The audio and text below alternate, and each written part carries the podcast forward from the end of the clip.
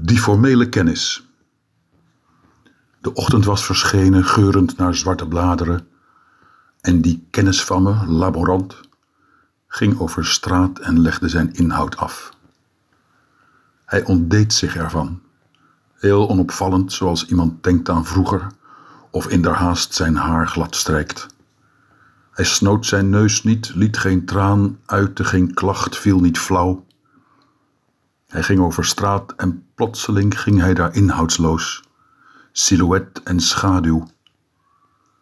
Alledaags van snit, weinig bijzonders aan te zien, zo ging hij zonder innerlijk, zonder het leven dat zijn huid versierde, zonder de wonden van binnen, zonder gezang. Hij stak een onpersoonlijke hand op naar de vrouw die hij ooit persoonlijk liefhad, bleef staan, knikte leeg en in het algemeen. Daarna begon hij aan de eindeloze monoloog, een reeks externe bewijzen voor essentiële feiten. Hij werd 65, geliefd vanwege stiptheid, verteltrand en uitmuntende manieren.